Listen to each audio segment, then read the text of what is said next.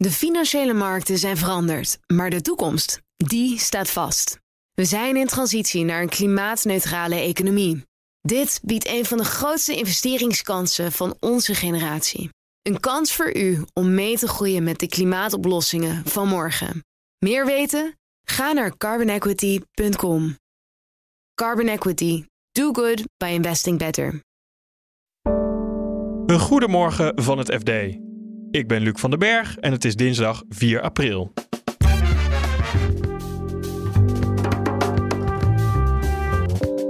Het kabinet wil de arbeidsmarkt hervormen omdat de flexibiliteit is doorgeschoten.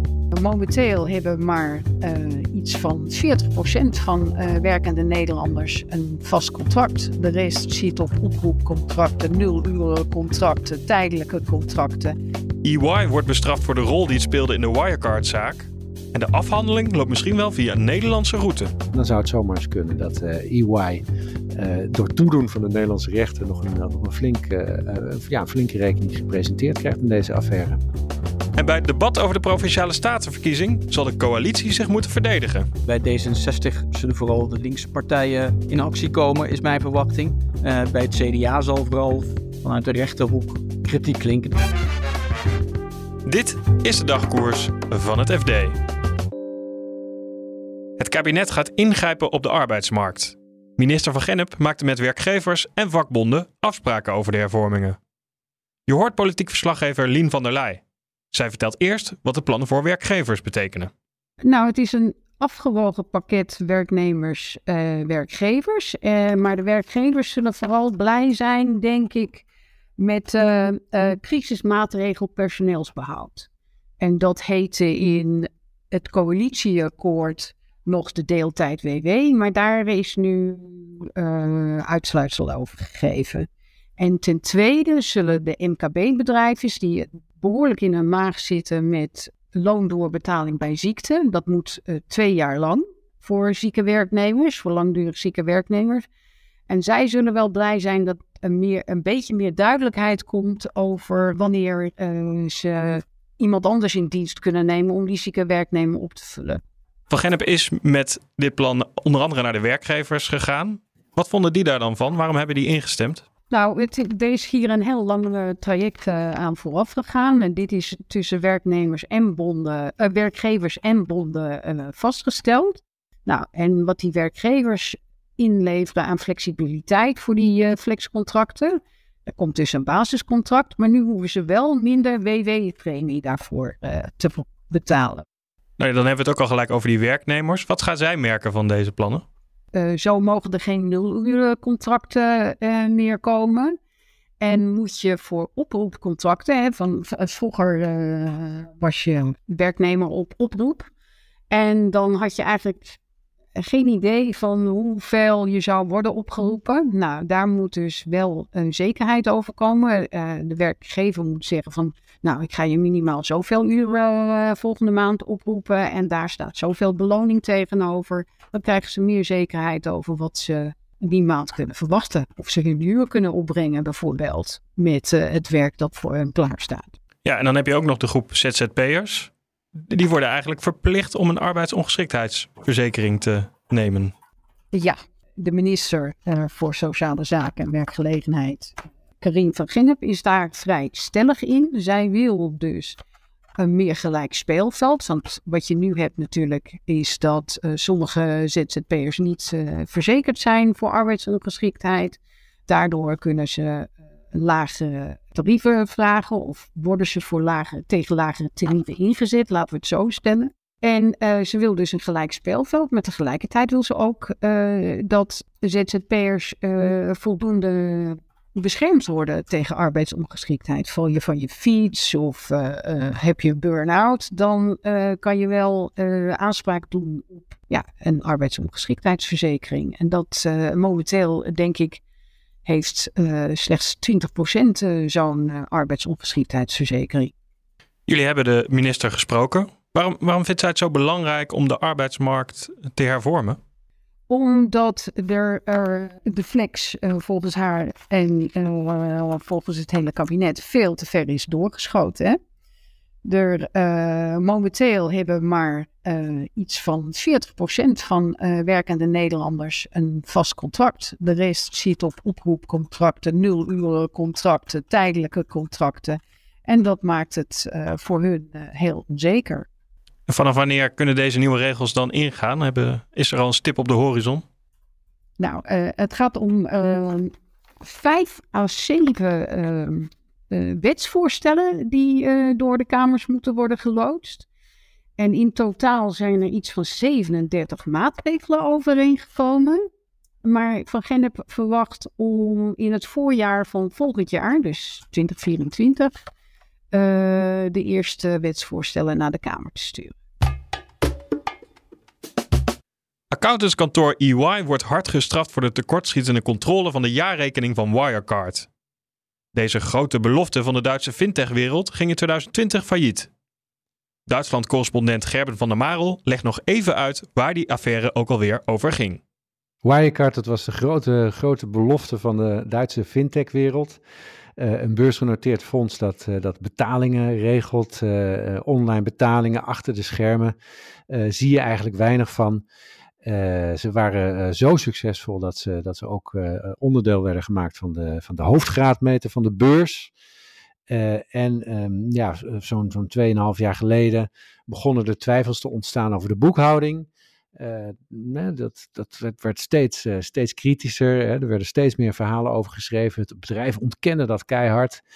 maar in juni van het jaar 2020 uh, bleek alles in, als een kaartenhuis in elkaar te storten. Want er bleek bijna 2 miljard aan contanten bleek zoek. Ja, en EY was dan de accountant die daar toezicht op had moeten houden. Wat is nu hun straf? Ja, zij staan al heel lang bloot aan kritiek, omdat uh, het voormalige Ernst Young uh, ja, tien jaar lang uh, de huisaccountant was. Ehm, ja, had moeten weten eigenlijk dat, dat de balans met, met een aantal miljarden was opgeblazen. Hè, dat er onduidelijke uh, samenwerkingen waren met, uh, met derden partijen, zoals dat dan heet. Uh, en die bleken goed deels verzonnen te zijn. die inkomsten bleken er helemaal niet te zijn. en nu is de Duitse toezichthouder, die eigenlijk erg heeft lopen slapen um, in het voortraject, die is hard, zullen we zeggen, uit de bocht gekomen vandaag. Of gisteren eigenlijk. en die heeft bekendgemaakt een boete op te leggen. Uh, van, van een half miljoen euro. Uh, dat is heel vervelend. Uh, daarnaast worden er, wordt een aantal, twaalftal accountants werd onderzocht. Vijf daarvan krijgen persoonlijk een boete opgelegd. dat is voor die mensen natuurlijk heel vervelend. Maar eigenlijk het meest pijnlijke is dat, dat de accountant geen, twee jaar lang geen nieuwe klanten mag aannemen in het, nou ja, in het beursgenoteerde segment, zullen we zeggen. En met de huidige klanten die zij nu in Duitsland hebben, mogen ze daar dan wel mee doorgaan? Ja, daar mogen ze wel mee doorgaan. Die, uh, die contracten mogen verlengd worden, die mandaten zoals dat heet, met Volkswagen en Deutsche Bank. Maar je ziet al dat eigenlijk de markt uh, al zijn werking heeft gedaan. Uh, want de afgelopen twee jaar sinds deze affaire is gaan spelen, hebben ze geen enkele nieuwe controletaak er meer bij gekregen van een grote beursgenoteerde onderneming. Uh, dus de druiven zijn wel zuur. Uh, en uh, nou ja, dat zal nog voorlopig even, even doorgaan. Dus het is even door de superzure appel heen bijten. En dat betekent dat ze toch echt marktaandeel verliezen aan hun concurrenten op dit terrein. Ja, het lijkt me ook een slecht moment hè, voor EY, want zij waren juist bezig om de accountants van de adviesgroep te scheiden. Ja, dat komt eigenlijk heel slecht uit. Het is, uh, het, is, het, is, het is een smet op de reputatie. Dat was het natuurlijk al. Uh, en het is, dat is eigenlijk heel ernstig. Hè? Dat, alles draait om vertrouwen en ook om uh, de vaardigheden van die accountants. Dat die beleggers en klanten en krediet, kredietverschaffers kunnen vertrouwen op die jaarrekening hè, die gecontroleerd wordt. Nou, dat, daar zijn ze gewoon echt, ja, hebben ze gewoon echt een hele slechte beurt gemaakt. En inderdaad, het bedrijf zelf uh, is bezig met een opsplitsing. Uh, en dan is natuurlijk uh, zulk nieuws is, is extra zout in de wonden. Je zou kunnen zeggen, het versnelt het proces misschien. maar het is in ieder geval um, ja, buitengewoon slechte publiciteit. En, en ook voor de individuele partners, die individuele accountants, is het natuurlijk toch echt een ja, behoorlijk forse kritiek als, je dat, ja, als dat leidt tot, tot persoonlijke boetes ook. Die beleggers die zijn destijds een hoop geld kwijtgeraakt. Mogen die dan nu een beetje hoop hebben dat dat ooit nog terugkomt? Ja, want het bedrijf was op de beurs uh, op het hoogtepunt 20 miljard euro waard. Nou, dat is allemaal verdampt, allemaal in rook opgegaan. Die beurskoers is verschrompeld tot niks en het bedrijf is failliet gegaan. Uh, beleggers uh, die proberen hun geld terug te halen. en dan heb je advocaten die, die willen ze daarbij bijstaan en beleggersverenigingen. En in dit geval heeft een Duitse beleggersvereniging heeft gedacht die Nederlandroute is interessant. Juristen uh, die begeleiden dat. in Nederland kan je makkelijker massaclaims indienen voor beleggers in de Europese Unie. Dus ook die van Duitsland. Uh, en uh, ja, dat is een, dat is een pad dat, uh, dat ze willen bewandelen.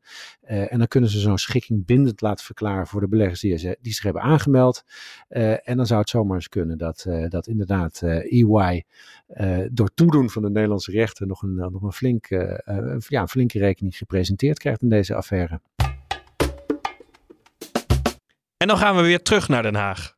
Want daar wordt vanmiddag in de Tweede Kamer gedebatteerd over de uitslag van de provinciale statenverkiezingen. En dat is bijzonder, want dat gebeurt vandaag voor het eerst. Politiek verslaggever Bas Knoop legt uit waarom er nu dan wel over gesproken wordt.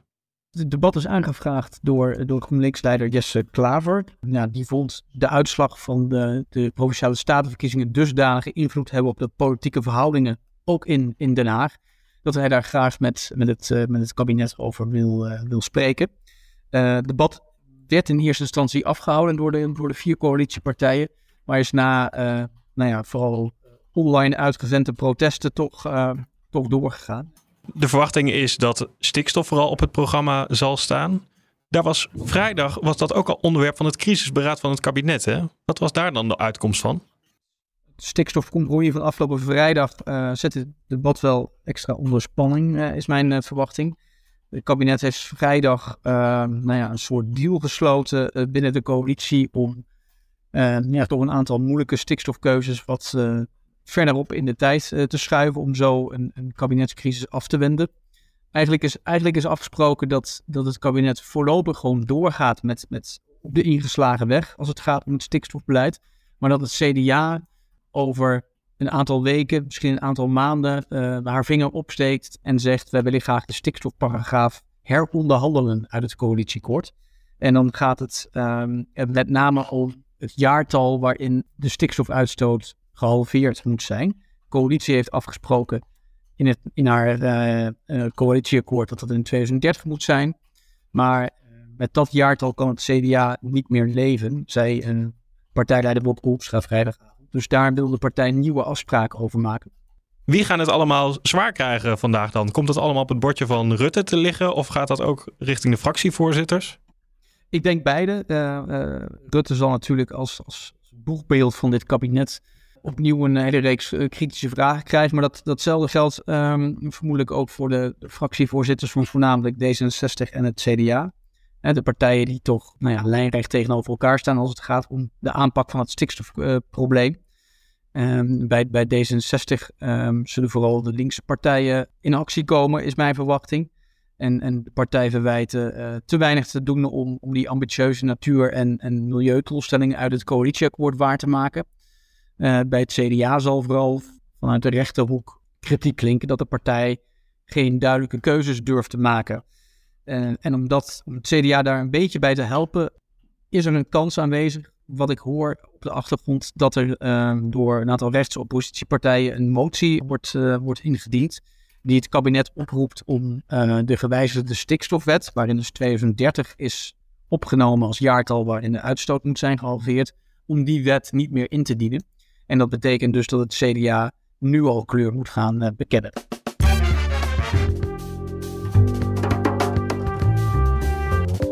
Dit was de dagkoers van het FD.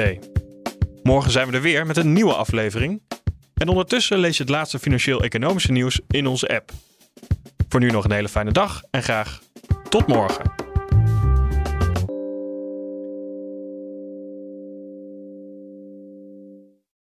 De financiële markten zijn veranderd, maar de toekomst, die staat vast. We zijn in transitie naar een klimaatneutrale economie. Dit biedt een van de grootste investeringskansen van onze generatie. Een kans voor u om mee te groeien met de klimaatoplossingen van morgen. Meer weten? Ga naar carbonequity.com. Carbon Equity. Do good by investing better.